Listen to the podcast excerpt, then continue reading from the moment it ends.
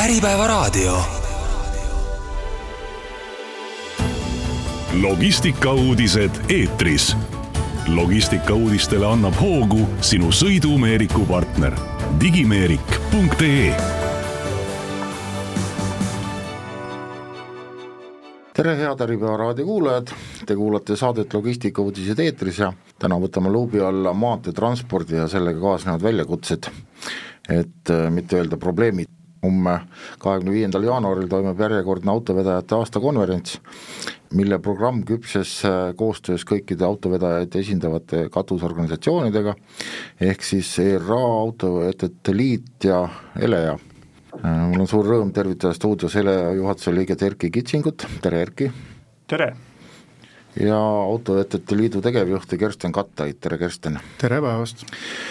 kuna teemasid, millest rääkida, on palju ja stuudioruum ja eetriaeg on paraku suht piiratud, siis leppisime nii kokku, et Erki esindab siinkohal ka ERA seisukohti, mis üldjuhul ühtivad Eleaga praktiliselt üks-ühele aga hakkame siis otsast pihta, sellepärast et teemasid on tõesti palju, homne konverents saab olema äärmiselt äh,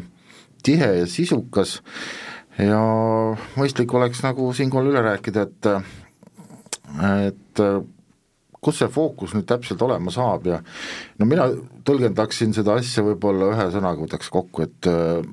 maanteetranspordi konkurentsivõime on nagu see teema, mis on nii-öelda suure küsimärgi all tänasel päeval. ma ei tea, kumb teist alustab? ma võin alustada, et transpordisektori konkurentsivõime on tõesti päevakorda kerkinud viimastel aastatel ühe, üha teravamalt,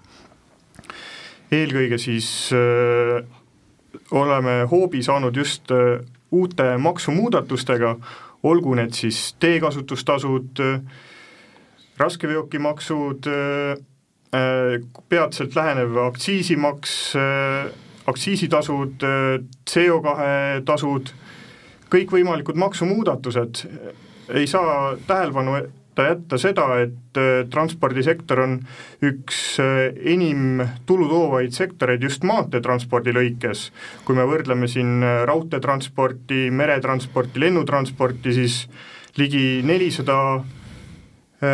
miljonit eurot müügitulu kvartalis on väga suur number ja, ja see, mis jõuab sihtotstarbeliselt tagasi maanteetranspordi arengusse, siis äh, see number on küllaltki tagasihoidlik, kas või kui vaadata näiteks äh, teede rahastust, suurusjärk sada seitsekümmend miljonit aastas, et väga-väga äh, masendav on vaadata seda kõrvalt jah, et kui me mõtleme selle peale, et raudteetransporti praktiliselt Eestis nagu pehmelt öeldes ei olegi peale Elroni liinirongide, et jah, et kuidas, Kersten, sina seda asja näed? Ega jääb jõustuda. Tähendab, jääb nõustuda äh, nende mõtetega üle, äh, sest et äh, noh, me võime kahes aspektis vaadata, et üks on maanteetransport kui tegevusala, mille tegelikult ju käibemahud ja, ja noh, ütleme vedude mahud on ju sellel aastal nagu drastiliselt kukkunud, jah, hea küll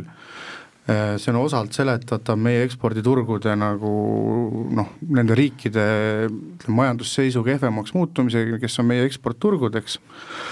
aga see ei ole kogu seletus äh, teemale. Äh, ja teine pool on siis, kui me võtame niisuguse tavainimese vaatenurgast, et nimetage mulle üks kaup või, või toode, mis jõuab poodi ilma transpordita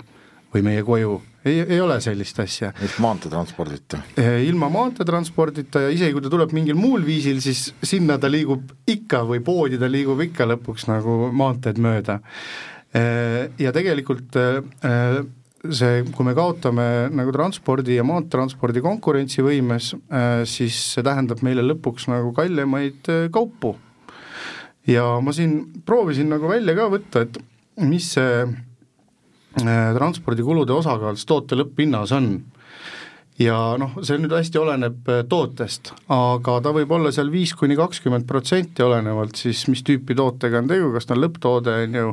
või, või ta on mingi vahepealne produkt, nii et, äh, et tegelikult see on see keskne küsimus, et me ei saa rääkida nagu transport kuidagi abstraktselt või sellega seotud noh, ütleme, kui riik loob tegevuskeskkonda,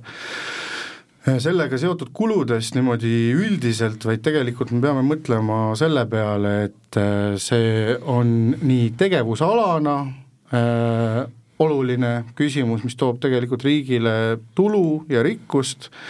ja, ja teiselt poolt see on siis äh,, äh mõjutab nagu kõikide kaupade hindu, nii meil äh, nii-öelda koduriigis kui ka eksporditurgudel no sa oled siin välja toonud ka, et äh, tegevusala panustab ligikaudu kaks miljardit eurot äh, Eestis toodetud lisandväärtusesse ja annab tööd enam kui kuuekümnele tuhandele inimesele, et, äh, et see on tegelikult päris märkimisväärne arv ja, ja kui arvestada, et tegemist on ikkagi ju ka julgeolekuliselt elutähtsa nii-öelda tegevusalaga, et kui juhtub midagi, noh siin koroona aega oli näha ju, piirid pandi kinni ja, ja, ja, ja oligi, et kui meil ei oleks olnud enda nii-öelda toimivat siseriiklikku transporti, noh siis jaa, kahtlemata kriisiolukordades see toimekindlus on see ja me ei saa siin kellegi teise peale nagu loota, aga tõepoolest, ütleme kogu maanteetranspordi või noh, tegelikult see on nagu laiemalt, veonduslaondus laiemalt, eks ole, kuus protsenti meie SKP-st ja kui me ütleme, jätame selle sektori nagu konkurentsivõime küsimuse kõrvale, siis mu, minu küsimus on, et millega me selle asendame? millega me selle maksutulu ja, ja need töökohad, mis meil riigis on, asendame ja ma tegelikult seda nagu kuulnud ei ole. ja see on noh, minu arvates praegu keskne küsimus. no ma ei mäleta, kas sina või keegi seal ühel konverentsi eelarutelul ütles nagu tabavalt, et et riik toimib nagu väravvaht, et kõik ettepanekud, mis äh, sektori poolt tulevad, nad nagu osavalt on suutnud seni tagasi tõrjuda, et äh, miks nad teevad seda? et tegelikult see väravavahi mõiste on täiesti ütleme, niisugune poliitika kujundamiskasutusel olev mõiste ja selle sisu on tegelikult see, et, et blokeerida mingisuguseid ettepanekuid, tegevusi, siis see uputatakse bürokraatiasse. ja seda me näeme siin ka, et ükskõik milliseid ettepanekuid me teeme, eh, siis sektori poolt, siis enamasti see tagasiside on see, et see ei ole meie pädevusala, et sellega tegeleb mingi teine ametkond või et see vajab, näiteks ametkonnad ütlevad, et see vajab poliitilisi otsuseid, poliitikud ütlevad, et ei, et seda ametnikud peavad ette valmistama, see on liiga tehniline nagu küsimus nende jaoks ja ta niisugune põrgatamine käib, aga tegelikult see ongi lihtsalt äh, ettepanekute noh, ütleme siis niisugune blokeerimise või, või, või nii-öelda sahtlisse panemise strateegia. ja ausalt, see mida ma nagu välja pakuks väga konkreetse nagu äh, mõtte või, või tegevuse. Ja mida me oleme pakkunud ka välja ministeeriumile, aga nad ei ole sellest tahtnud nagu senini äh, siis Kliimaministeeriumile, et äh, seni nagu vedu võtta, et meil on erinevaid niisuguseid äh, kitsama fookusega niisuguseid arutelukohti, näiteks transiidikomisjon või, või liikluskomisjon et need on kõik omal kohal äh,, aga nad on hästi kitsa nagu äh, ütleme, niisuguse spetsiifilisema fookusega ja hästi niisuguse reglementeeritud nagu noh, toimimise loogikaga. Ja mida me oleme välja pakkunud, on see, et me võiksime nagu ka maanteetranspordi poole pealt teha äh, siis poliitikkujundajate, otsustajatega selliseid regulaarseid nagu sektori arengut puudutavaid kohtumisi või arutelusid, et võib-olla sellest piisab üks kord aastas kolm tundi, kus me paneme need teemad, mis nii-öelda, kus king pigistab lauda ja otsime siis neid võimalikke lahendusi ja siis otsustajad saavad anda tagasisidet, et mis nagu läheb, mis ei lähe, kuidas seal on vastuolud mingite teiste poliitikatega ja nii edasi aga sellele ettepanekule on vastatud, et ei, et meil niisuguseid üldiseid arutelusid pole vaja, et võtame ainult teema kaupa ja kui me läheme teema kaupa, siis riik võtab nagu väravavahi positsiooni. no üks teema, mis on täiesti juba legendaarseks kujunemas, on juba ise, ma selle valdkonnaga tegelenud nüüd viimased kuus aastat ja, ja ma saan aru, et enne mind veel viisteist aastat on sellega tegeldud, et kuidas ikkagi Eesti teedele tuua need pikemad ja, ja nii-öelda tõhusamad veosed. No Erki, sa oled nagu selle teemaga nagu hästi olnud või hästi ka intensiivselt tegelenud, et Läti tegi sellest aastast ära, lubas teedel Soome, Rootsi, igal pool asi toimib ja Eestis ikka mitte midagi jaa, seda on tõesti kurb pealt vaadata, et äh, kakskümmend pluss aastat on seda teema, selle teema üle arutletud, äh, oleme nüüd viimasel kolmel aastal äh, minu ELE-sse tulekust saadik nii-öelda väga intensiivselt suhelnud nii ministeeriumiga,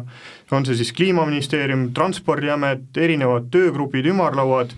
ja oleme neid ettepanekuid teinud, nüüd on värskelt valmis saanud ka uuring teede katendite osas, kus siis teid ja sildasid on uuritud ja sellest uuringust tuleb välja, et tegelikult need pikemad, tõhusamad autorongid ei valmistagi probleeme, et teede vastupidavus võiks isegi paraneda ligi üks koma seitse korda, just tänu sellele, et see koormus hajutub sildade peale laiali ja seal on erinevad terminoloogilised mõisted on nagu sisse toodud ka sinna uuringusse, mis,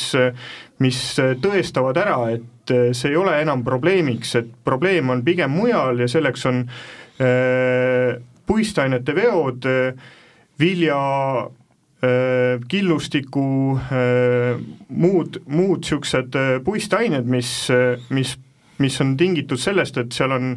väga palju ülekaalusid äh, sees ja see segment ei ole koondunud ka kuskile erialaliitudesse, kus me saaksime ühiselt nende huvide eest seista, vaid need on niisugused ühe-kahe-kolme mehe ettevõtted, kes, kes veavad siis seda ülekaalusid ja need on nelikümmend neli, nelikümmend kaheksa tonni need äh, vanniga veokid nii-öelda. jah äh,, täitsa endal on olemas kogemus, kuidas mul minu ees sõitval äh, ühel vannil läks rehv niisuguse pauguga lõhki, et äh, ime, et auto terveks jäi. juppe lendas vasakult ja paremalt. aga ma ei tea, Kersten, kuidas äh, sina esindad rohkem neid sisevedajaid, et ühel eelarutelul ka reedel siin arutasime, et üks autovedaja ütles ka, et põhimõtteliselt kui mina ülekaalu ei pane, siis keegi ikka paneb. et kas on karistused siis liiga lahjad või miks seda tehakse jätkuvalt? Tähendab, järelevalve küsimus on kindlasti, äh, aga äh, noh, ilmselt me ei saavuta kunagi ütleme, õiguskuulekat käitumist ainult äh, läbi järelevalve, et need järelevalve noh, ütleme mahud ja kulud on sellisel juhul nagu ebamõistlikult suured, et me nagu ainult sellega, aga seda saab kindlasti nagu sihistatumalt teha. Ja noh, siin Äh, me oleme ka ju välja käinud neid ettepanekuid, et me võiksime võtta niisugust automatiseeritud nagu süsteeme, kaameraid, automatiseeritud kaalusüsteemid äh, äh, kasutusele, eks ole e, maanteel e, e-veose lehed kuni noh, minu pärast erivedudel me võime isegi automaatsed pardakaalud nagu kehtestada nõudeks. aga noh, sellele konkreetsele noh, ettepanekul on olnud nagu tagasiside, et meil ei ole nagu raha, riigil ei ole raha, et neid investeeringuid teha, on ju, kuigi see on selgelt investeering ja väga lühikese ajaga nagu eh, noh, nii-öelda teenib tagasi. aga nüüd mm, teistpidi, et see Erki viidatud uuring ka, et äh, igal juhul ta näitas seda, et ülekaalud on meie teedel nagu probleem ja nüüd eh, paneme seljad kokku, paneme kõik sektori erialaorganisatsioonid, ministeerium, Transpordiamet, paneme seljad kokku, mõtleme, mis need nagu noh, õiguslikud muudatused, teadlikkuse kasv, sotsiaalne kontroll, järelevalvetegevused. alustame kas või riigihangetest, et paneme sinna punktid sisse, et me ei maksusta üle neid üle veetud koormaid nii-öelda, et eh, kui, kui seal juba hakatakse asja nagu järgima, siis ei tekigi turul võimalust äh, kinni maksta neid ülekoormaid. jaa, absoluutselt, et noh, näiteks siin on suurepärane näide RMK, RMK metsavedudel juba palju aastaid eh, mitte ühtegi nagu ülekaalu nii-öelda kilo kinni ei maksta, pluss on palju aastaid kasutusel e-veose dokument, et see kõik, kes vedas, kuhu, millal, on kõik nagu äh, tuvastatav. jah, ja sinna saab ju tegelikult lisada ka sellesama, et autode need automaatsed, mis pardakompuutrisse tuleb sisse, et autode enda nii-öelda automaatkaalud, et see tähendab seda, et ka ettevõtjad ise peaksid rohkem investeerima uude tehnikasse. aga need tõhusamad needsamad veokid võimaldavadki seda, et tegelikult jälle, et noh, see ei ole ju jälle mingi abstraktne nagu jutt, et tegelikult kui me suudame nagu veerandi või kolmandiku võrra äh, tõsta ühe meetmega, tõhusama veoki nagu lubamise meetmega äh, veo efektiivsust, siis see ju vabastab raha selleks, et äh, saaks uuemasse veokiparki investeerida, saaks digi, digilahendustesse investeerida. Ja, ja lõpuks siis aitab kaasa meie nii-öelda veohinna konkurentsivõimele jah, et kui me räägime nii-öelda pikematest ja tõhusamatest veostest, siis tegelikult mingi uuring ütleb ju ka seda, et et nii-öelda need kakskümmend viis koma kakskümmend viis meetrit pikad veosed juba äh, annavad kuskil kuuskümmend protsenti ka CO2 nagu kokkuhoidu lõpuks. et ja, ja, ja teine teema, mis tegelikult ka siin päris aastaid ja aastaid on juba räägitud, mis ka ei ole mitte kuskile jõudnud, et meil ei soodustata nii-öelda keskkonnasõbralikke kütuseid, et meil gaasi teema on, see nüüd vahepeal langes ära seoses selle Ukraina sõjaga ja, ja Vene gaasi kadumisega turult, et äh, millised siin lahendused võiksid olla, noh palju on räägitud sellest HVO diislist,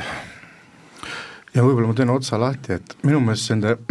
maanteetranspordi äh, ja üldse laiemalt kliimaeesmärkidega on hästi palju juttu ja väga palju pikaajalisi plaane, aga vähe äh, nii-öelda konkreetseid tegusid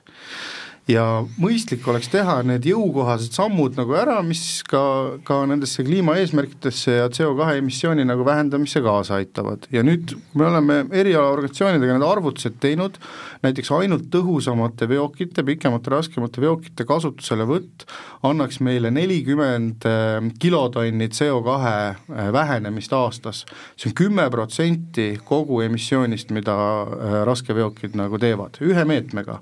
ja pluss see on samal ajal kulutõhus, ehk siis CO2 väheneb ja veokulud vähenevad, ühtegi teist sellist meedet maanteetranspordisektoris, mis oleks kulutõhus ja vähendab CO2, olemas ei ole säilitab ka teid nii-öelda selles mõttes äh, paremini. jah, ja tegelikult ju erinevad katsetused, asjad on ju tehtud, et ei ole nagu seda noh, probleemi nendega sõita noh, ütleme kohe üks pluss üks maanteedel ja, ja meil nagu väga palju on igasuguseid väikseid ringteid, et ka ringteede peal jookseb see asi nagu väga kenasti, et ei ole mingit probleemi. Aga mis te sellest AVO teemast arvate ikkagi, et äh, kas see võiks olla ikkagi kuidagi soodustatud läbi diislaktsiisi? rääkimata sellest, et äh, diisliaktsiis nüüd veel tõuseb ka maikuus jaa, no selles osas kindlasti need äh, alternatiivkütused võiksid olla teemaks, on see siis HVO, biometaan uute lahendustena nii-öelda elekter, vesinik võib-olla tulevikus siin,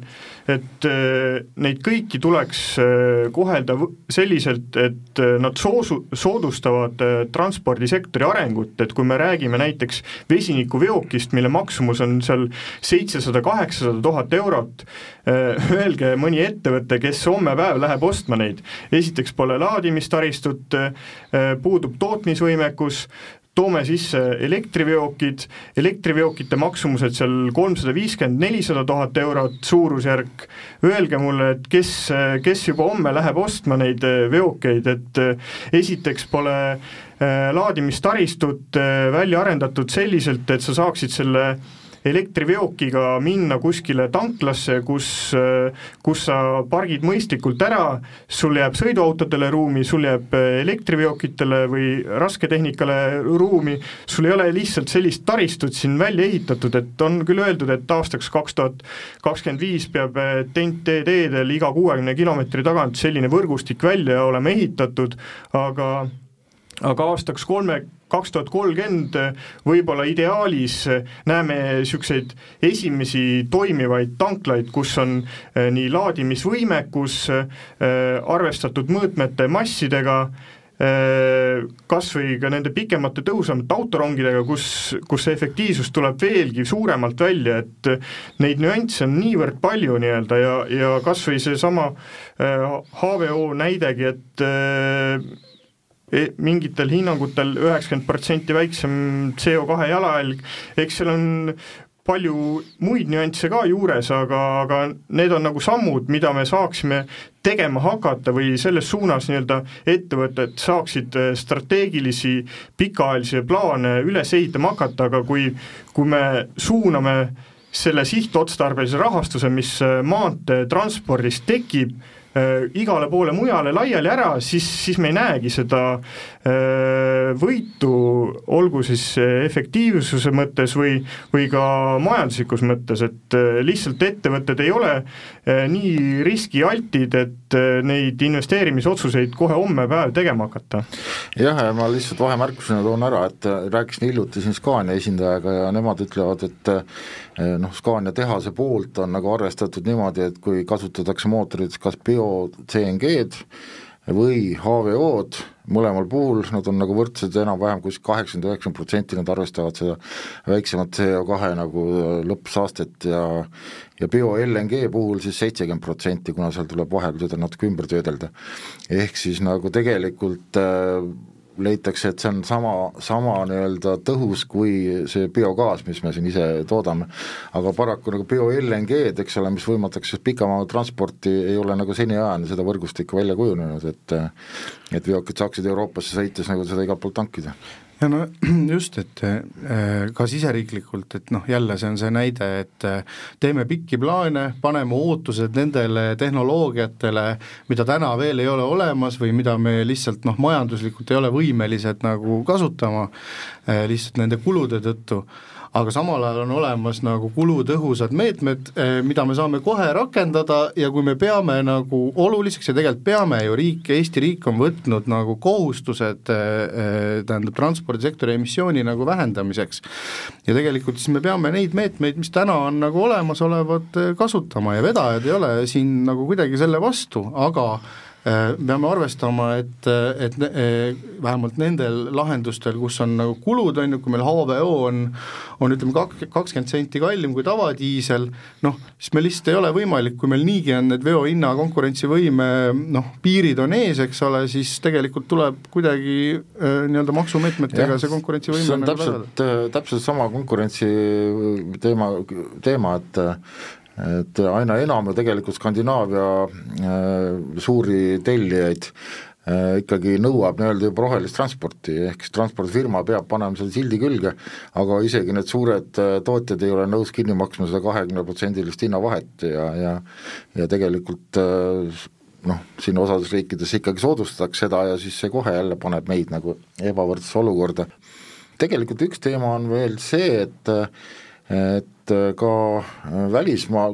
kuidagi nagu ebavõrdne kohtlemine on tekkinud meie vedajatel selles mõttes, et kui meie vedajal näiteks Rootsi, siis tal iga pisiasja eest tehakse seal, ma ei tea, isegi kuuldavasti kuni siin kuus tuhat eurot trahv, eks ole, ja, ja ilma salgamata, et jah, et me kaitsemegi oma koduturgu, meie enda vedajatel on niigi raske ja, ja parem ärge tulge siia. Aga samas äh, need välismaa vedajad, kes Eestis siin teevad kabotaaži ja, ja nii edasi, et noh, nemad võivad teha, mis tahavad, tundub, vähemalt mis puudutab seda äh, palju räägitud äh, neljakümne viie tunni puhkust, et äh, kui näiteks eestlane jääb Prantsusmaal sellega vahele, siis on kohe plaks neli tuhat eurot, eks ole, trahvi, aga meil siin Muugal vennad panevad õndsat tunda ja kedagi ei huvita. ja seda vedajad on tegelikult nagu väga pikka aega välja toonud just seda ebavõrdset kohtlemist. Ja me noh, oleme ju ka kohtunud siin eh, politseiga, Kliimaministeeriumiga, eh, Riigikogu fraktsioonides neid ettepanekuid teinud, aga noh, jälle Mm, on see, lõpuks see taandub, see küsimus nagu sellele, et milline on Eesti karistus või ütleme jah, niisugune krimi-, karistuspoliitika nagu laiemalt. ja see lõpuks on siis tõepoolest Justiitsministeeriumi küsimus ja noh, nüüd on hea meel, et konverentsil tegelikult on ju äh, vedajate vaade sellele küsimusele, politsei esindaja, kes räägib, kuidas siis see töö ja praktika nagu teedel käib ja Justiitsministeeriumi poolt siis inimene, kes siis avab seda karistuspoliitilist nagu külge aga, aga igal juhul noh, ütleme, ma ei, praegu ei oska öelda, kuidas see statistika meil täpselt on, aga tunnetuslikult see ebavõrdne kohtlemine Eesti ja välisvedajate noh, vahel on meie vedajatel olemas jaa, see on, see on väga suur, kuigi need statistilised numbrid näitavad, et äh, rahvusvaheliste vedajate poolt äh, tehtud rikkumised ei kajastu statistikas väga mastaapsena nii-öelda ja seda on toonud ka Kliimaministeeriumi esindajad välja, et et see osakaal on niivõrd väike, aga pigem on küsimus see, et see vahelejäämistõenäosus kas või siin selle Äh, tõhusamate autorongide uuringust tuli välja, et üks kahe tuhandele on ülekaalude vahelejäämisrisk nii-öelda, et kui me toome neid paralleele nii-öelda siit äh, ka vedajate nii-öelda võrdse kohtlemise poole pealt, siis äh,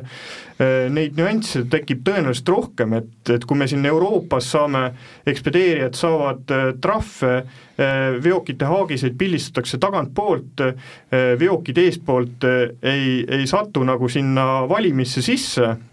aga siis ekspedeerijad saavad tagantjärgi trahve nii-öelda ja siis need trahvid jõuavad hiljem postkasti, kus on juba summad juba mitmekordistunud nii-öelda, et et Äh, saadakse nii-öelda ka siit Eestist need äh, ekspedeerijad kätte, kes siis omakorda peavad selle trahvi edastama vedajale ja, ja tekib pahameel, et mille eest ma siis nii-öelda jälle maksan nii-öelda, et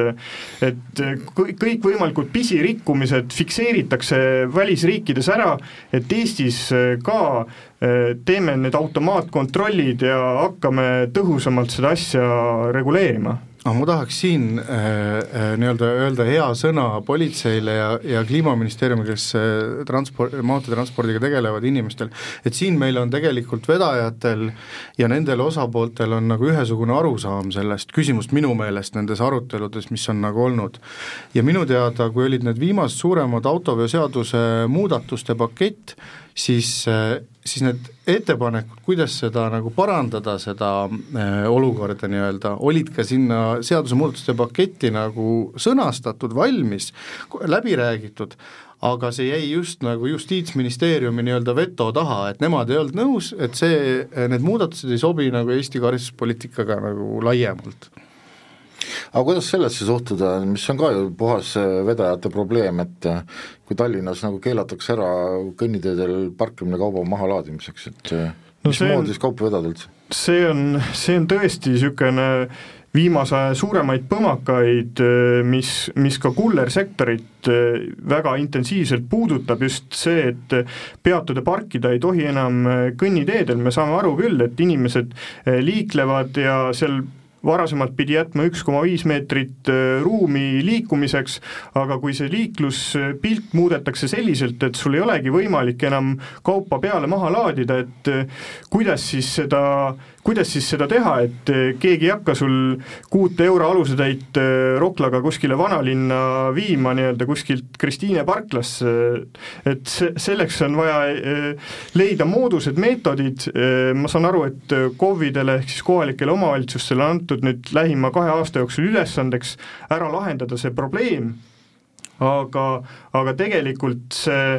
see vajab äh, ka diskussiooni äh, katusorganisatsioonidega, et äh, selle asemel, et me teeme selle seaduse ära ja siis me kuskil meedia vahendusel jälle diskuteerime selle teema üle, et et näe, et tehti seadus, aga, aga meiega polegi räägitud jälle, nagu siin sügisel juhtus, et et me lugesime ise samamoodi logistika uudistest seda, seda teadet, et näe, et Kliimaministeerium tegi liiklusseaduse muudatuse peatumise parkimise lõikes, ja, ja meil lihtsalt tuli, tuli oma seisukohti hakata kaitsma nii-öelda, et nii ei saa ju äri ajada, selles mõttes, et kui, isegi kui Tallinna linnavalitsus tellib omale kaupa, kuhu, kus kohas see peatumise, parkimise koht on, et mõistlikult ilma trahvi saamata see kaup kohale tarnida. No siin on olnud spekulatsioone, ma ei ütle, et see nüüd nii on, aga aga ma olen kuulnud, et, et siin taga nagu võib olla äh, see, et Eestis on väga tugev IT-klaster ja, ja IT-klastrisse kuuluvad ka sellised ettevõtted, kes tegelevad seal igasuguste tõukside ja muude asjadega ja vot, et tänu sellele, et nende jaoks muutus liikumine ohutuks, nad nagu oma suure selle klastri, läbi klastri selle võimuga nii-öelda suutsid läbi suruda selle. no vot, siin tegelikult aga siin ma, tekib küsimus, et aga et äkki peaks transpordi, maanteetranspordil ka olema mingi klaster, et praegu te olete küll hästi kolmekesti siin seljad kokku pannud ja ühiselt võitlete, aga võib-olla leiaks veel kedagi sinna juurde ja ja äkki olekski vaja nagu merendus tegi äsja klastri, et ja merendus vist, kui ma olen õigesti aru saanud, siis see oligi ministeeriumi initsiatiiv, ehk see on see meie ettepanek, eks ole, kes on siis riigi poolt see meie partner, kes aitab äh, siis maanteetranspordi äh, nii-öelda arenguid suunata, et selle mitte nagu ainult pidurdada või ütleme, ütleme neid probleeme väravahti nagu näha mängida. ja väravahti mängida, aga ka kes arendada see... ja edendada. ja noh, ma ei tea, võib-olla see siis peaks olema hoopis äh, Majandus-Kommunikatsiooniministeerium, kellel on nagu ütleme, transpordi, mitte transpordi, aga majanduse konkurentsivõime on nagu seal. aga noh, ajalooliselt on ta, on ta nagu olnud siis see osa portfellist, mis siis kevadel äh, majandusministeeriumist kliimaministeeriumisse nagu liikus. aga, aga ma selle, et noh, see ongi nagu super näide sellest, kuidas see, kaasamine nagu poliitika kujundamisse käib, et me ei saa nagu öelda, et ei kaasata, saadetakse küll igasuguseid nagu materjale, seaduseelnõusid, direktiive, noh, ütleme siis tagasi and-, tagasiside andmiseks, aga tavaliselt see on juba liiga hiline faas, et nagu enam noh, mingeid olulisi muudatusi teha. pigem seal tuleb tagasiside, miks nagu ei saa äh, arvestada mingisuguste ettepanekutega, et tegelikult on ikkagi vaja sisulist nagu partnerlust õigel ajal, väljatöötamise nagu faasis, kus need asjad nagu selgeks rääkida. Ja olen nõus Kersteniga just selle koha pealt, et see turbomenetlused, mis siin eelmise aasta kolmandas kvartalis ütleme, kaks kuni viis päeva anti reageerimiseks aega, et sõnastage sektoriaalne seisukoht, tulge nende ettepanekutega meie juurde ja siis äh, tõmmatakse reha nendest ettepanekutest, jäetakse võib-olla üks-kaks äh, kui sedagi punkti sinna ettepanekutesse sisse, mis sõnastatakse veel omakorda ringi, ehk siis äh, sellest sõnumist jääb järgi mõni üksik fragment ja, ja see ei ole enam selles mõttes see sektori seisukoht, millega äh, sektor näeb, et konkurentsivõime paraneks, areneks, muutuks äh, keskkond stabiilsemaks ka ärilises mõttes, et väga palju on teha, et kas või siin näitena tuua sisse transpordi liikuvuse arengukava, mille osas me oleme viimase kahe aasta jooksul teinud mitmeid kordi ettepanekuid nii Kliimaministeeriumile kui ka siin erinevates ümarlaudades, paneelides, et äh, palun avame selle uuesti diskussioonideks, sellepärast et maanteetranspordi areng on täielikult välja jäetud sealt äh, ettepanekutest, et Kersten võib nagu täiendada jaa, ei, mitte ainult maanteetransport, et selle koha, selle arengukava kohaselt pidi kaks tuhat kakskümmend kuus ka Rail Baltic juba sõitma, nii et pluss äh, need igasugused emissiooni vähendamise plaanid, eks ole, mis seal olid seatud, et ta on noh, ütleme sisuliselt täielikult aegunud juba paari aastaga, noh mis näitab ka seda, et on vaja palju nagu nagu paindlikumaid lahendusi äh, siis sektori ja, ja poliitikakujundajate koostööks. Et siin on jah, selles mõttes veel, veel täiendaks seda, et, et kohtusime ka Kliimaministeeriumi esindajatega, ka ministriga ja, ja seal toodi tagasisideks, et et me avame selle transpordi liikluse arengukava ainult CO2 eesmärgi täiendamiseks, et seda on võimalik teha, aga muud ettepanekud Eh, nende sisseviimine võtab kolm kuni viis aastat aega ja, ja me lihtsalt ei avagi seda, et eh, meil on strateegia juba kaks tuhat kakskümmend üks kokku lepitud aastani kaks tuhat kolmkümmend, et eh, milleks me seda nagu avame, et mis sest, et maailm ümberringi on muutunud, arenenud, konkurentsikeskkond on muutunud teistsuguseks, meil on uued tehnoloogia suunad on tekkinud, on need siis kütused, tehnoloogia nüansid, et, et et kõige selle jaoks on see vaja uuesti avada, et kas või siin need rohetiigri algatused ja ettepanekud, mis tulid, et et oleks mõistlik aeg see uuesti avada nii-öelda. jah, et noh, et milleks see strateegia meil siis on, kui see tegeliku eluga kooskõlas ei ole ja me seda tegelikult ei järgi. et noh, üks tagasiside oli ka see, et noh, et me seda praegu lahti ei võta, kuna on kliimaseaduse koostamine, on ju, et kui kliimaseaduse noh, ütleme raamid saavad selgemini paika, siis, siis ka nagu selgub, mis selles liikuvuse arengukavas nagu olema peaks, aga noh, jälle see on niisugune muna ja kana nagu küsimus, on ju et, et need võivad ka paralleelselt käia minu arvates. no homme tuleb eh, konverentsil esmaettekandel ka seesama, nagu sa, Erki, ütlesid, see rohetiigri nii-öelda transpordi osa esmaesitlus, et eh, mida te sellest loodate või, või mis sellest võiks abi olla? no ma võib-olla teen otsa lahti, ma natuke tean seda, aga ma seal juhtisin ühte töörühma, küll nüüd mitte äh, nagu veoseveo, aga, aga sõitjateveo töörühma, aga olin ikkagi selles projektimeeskonnas nagu pidevalt sees. ja võib-olla üks asi, mis ma tahaksin nagu kohe rõhutada, et vahel Äh, mingites intervjuudes ja sõnavõttudes jääb nagu kõlama, et kogu meie transpordi äh, siis äh, emissiooni nagu põhjus on raske transport, on need siis raskeveokid või bussid, aga see kindlasti nii ei ole. kaks kolmandikku maanteetranspordi emissioonist on sõiduautod, inimeste isiklikud sõiduautod, raskeveokid nende osakaal on seal kuskil kakskümmend protsenti. nii et see on tegelikult see ja kui me võtame reisijate veo, siis see on kuskil viie protsendi juures. nii et, et tegelikult see, me võime nagu nüüd maanteetranspordi äh, maksumalakaga surnuks maksustada, aga see meid ei aita nagu maanteetranspordi, maanteesektori äh, emissioonis, eks ole. et küll aga mida selle teekaardi raames nagu otsiti, et seal ju tegelikult osalesid põhiliselt ettevõtted, on ju, ettevõtjad selle koostamises, olidki need jah, me saame aru, maanteetransport peab muutuma roheliseks ja ta muutubki, ütleme siin viieteist aasta, kahekümne aasta vaates, aga see vajab oma noh, nii-öelda aega tehnoloogilisteks nagu arenguteks. Aga et juba täna nagu nende muutustega nagu kohaneda, siis seal on välja pakutud lihtsalt majanduslikult jõukohaseid, mis ei äh, muuda meie nii-öelda maanteetransporti olematuks nagu majanduslikus mõttes ja mis on ka ühiskonnale jõukohane, on välja pakutud neid äh, meetmeid et homne päev tehtavad meetmed nii-öelda? Äh, no esimesest jaanuarist äh, üllatuslikult, alguses pidi hakkama ju vist märtsist, äh, hakkasid Eestis kehtima uued teekasutustasud ja seal on nii-öelda diferentseeritud nüüd see ka, et noh, et kas sa sõidad nüüd euro ühe, kahe, kolme või euro kuuega, et kui palju te selles osas loodate, et et tõesti meie autopark hakkab ka lõpuks uuenema? ma arvan, et see võib-olla ei vii nagu jõuliselt autopargi uuenemiseni, et pigem see on ikkagi see äh, loomulik areng või siis ütleme, nende võimaluste loomine, et ettevõttel oleks võimalik nagu tehnika uuendamisse investeerida, ehk siis mitte nagu seda äh, noh, võimalust maha kraapida nagu maksumuudatustega, et et loomulikult igasugune maksutõus äh, konkurentsivõimet ei suurenda, see on nagu selge, aga need diferentsid, mis siis seal teekasutustasudes on, ei ole nagu nii, nii suured. küll aga mida ma tahaks selle osas öelda ja võib-olla ka nagu rõhutada ka niisuguse tavakuulaja vaates, et äh, äh, maanteetranspordil on ju äh, lisaks teekasutustasudele on veel raskeveokimaks ja kes sõidavad siis erilubade alusel, on siis erilubade lõivud, et see kõik kokku on circa nüüd nende viimaste tõusude järel circa nelikümmend miljonit eurot aastas siis võtame diiselkütuse aktsiisi, mis äh, käesoleval aastal, mida laekub kuskil kolmsada nelikümmend miljonit, noh võtame siis selle äh, raskeveokite sektori välja sellest kakskümmend protsenti. Äh, seitsekümmend miljonit, paneme nüüd need kaks asja kokku, nelikümmend miljonit, seitsekümmend miljonit, see on sada kümme miljonit, mida lihtsalt nagu vahetute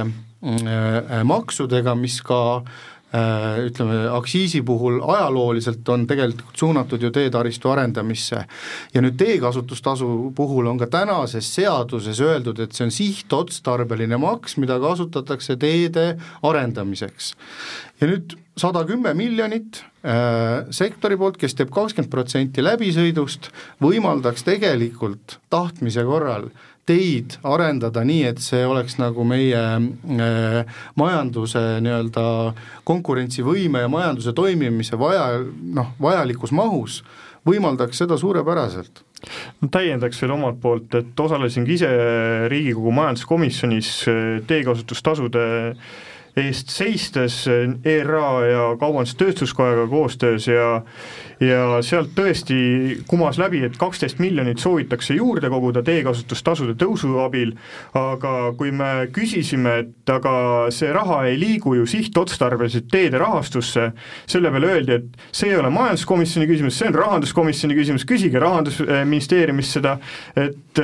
ja lõpuks taandub see sellele, et raha liigub riigieelarvesse ja riigieelarvest liigub see kuskile mujale rea peale edasi, et et tegelikult see raha ei jõuagi kuhugi eh, transpordisektori arengusse või maanteetranspordisektori arengusse, see liigub lihtsalt eh, bumerangina kuskile mujale nii-öelda ja siis püüa see bumerang õigel ajal kinni püüda, et, et ta jõuaks sinna õige kulurea peale nagu tagasi, et et tulurea pealt korjatakse see bumerangina kokku ja liigub siis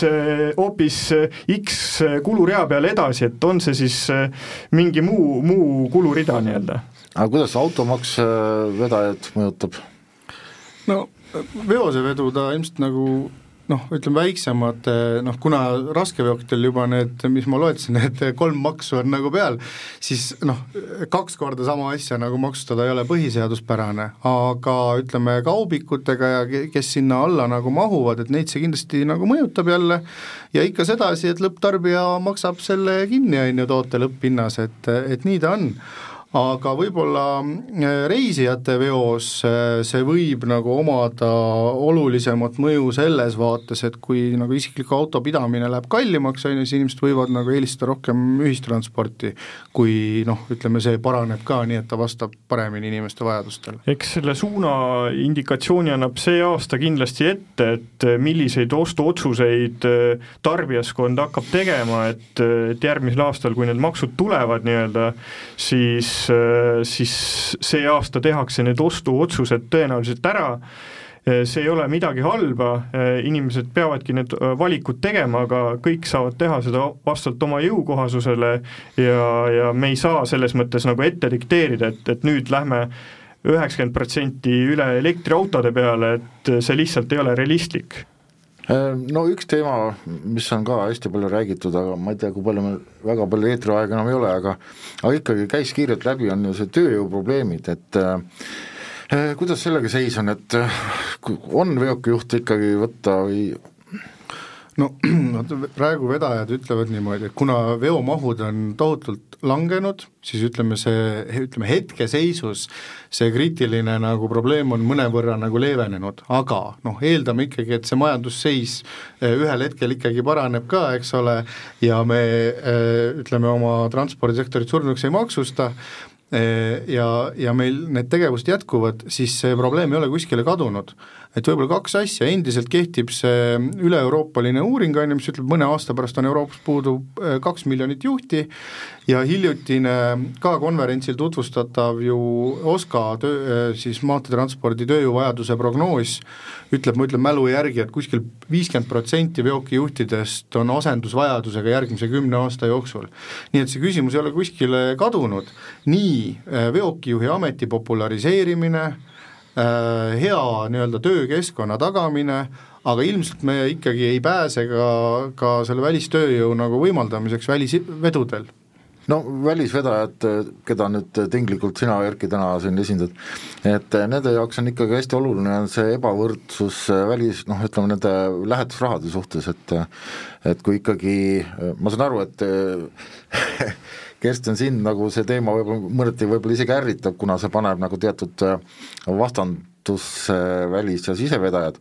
aga kui me võtame nüüd ikkagi välisvedajad, siis nemad konkureerivad reaalselt Läti, Leedu, teiste vedajatega.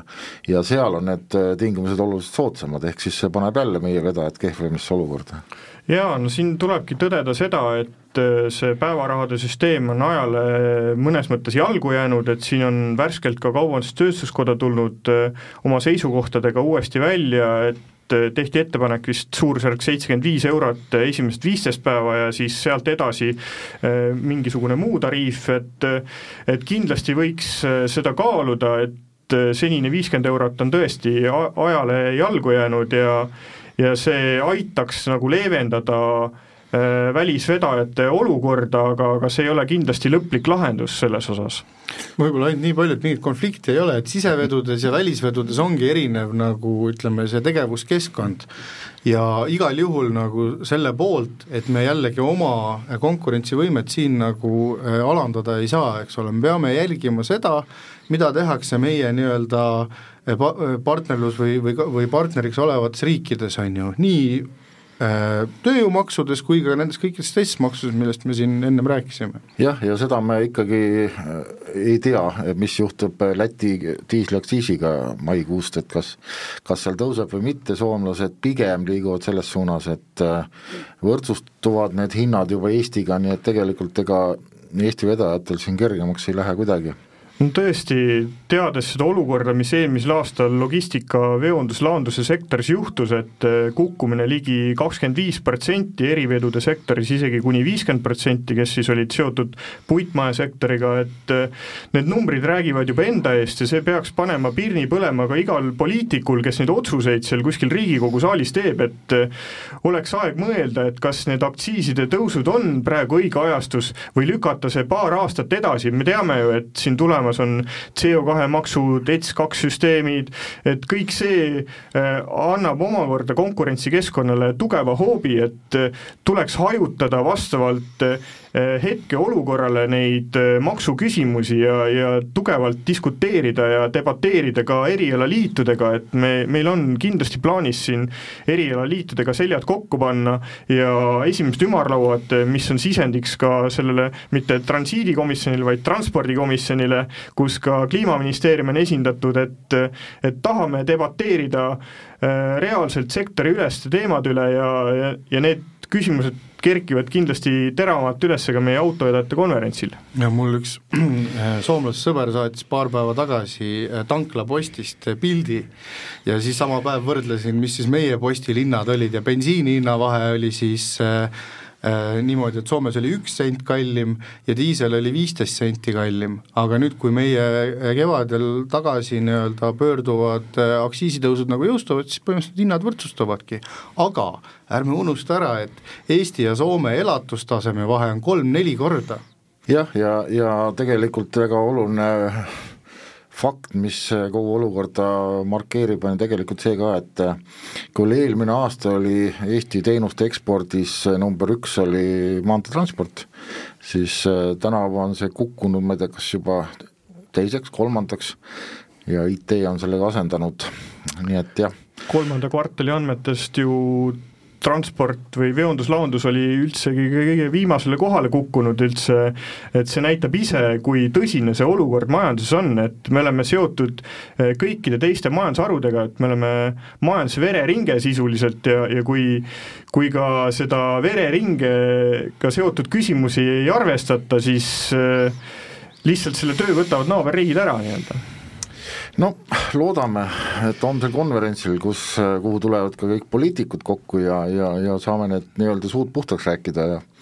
ja, ja ehk siis kuidagi hakkab äkki see asi kõigest õiges suunas liikuma. väga tänan, Erkki Kitsing ja Kersten Kattai, et saite täna stuudiosse tulla, mina olen saatejuht Tõnu Tramm ja kohtume taas nelja nädala pärast, kõike head!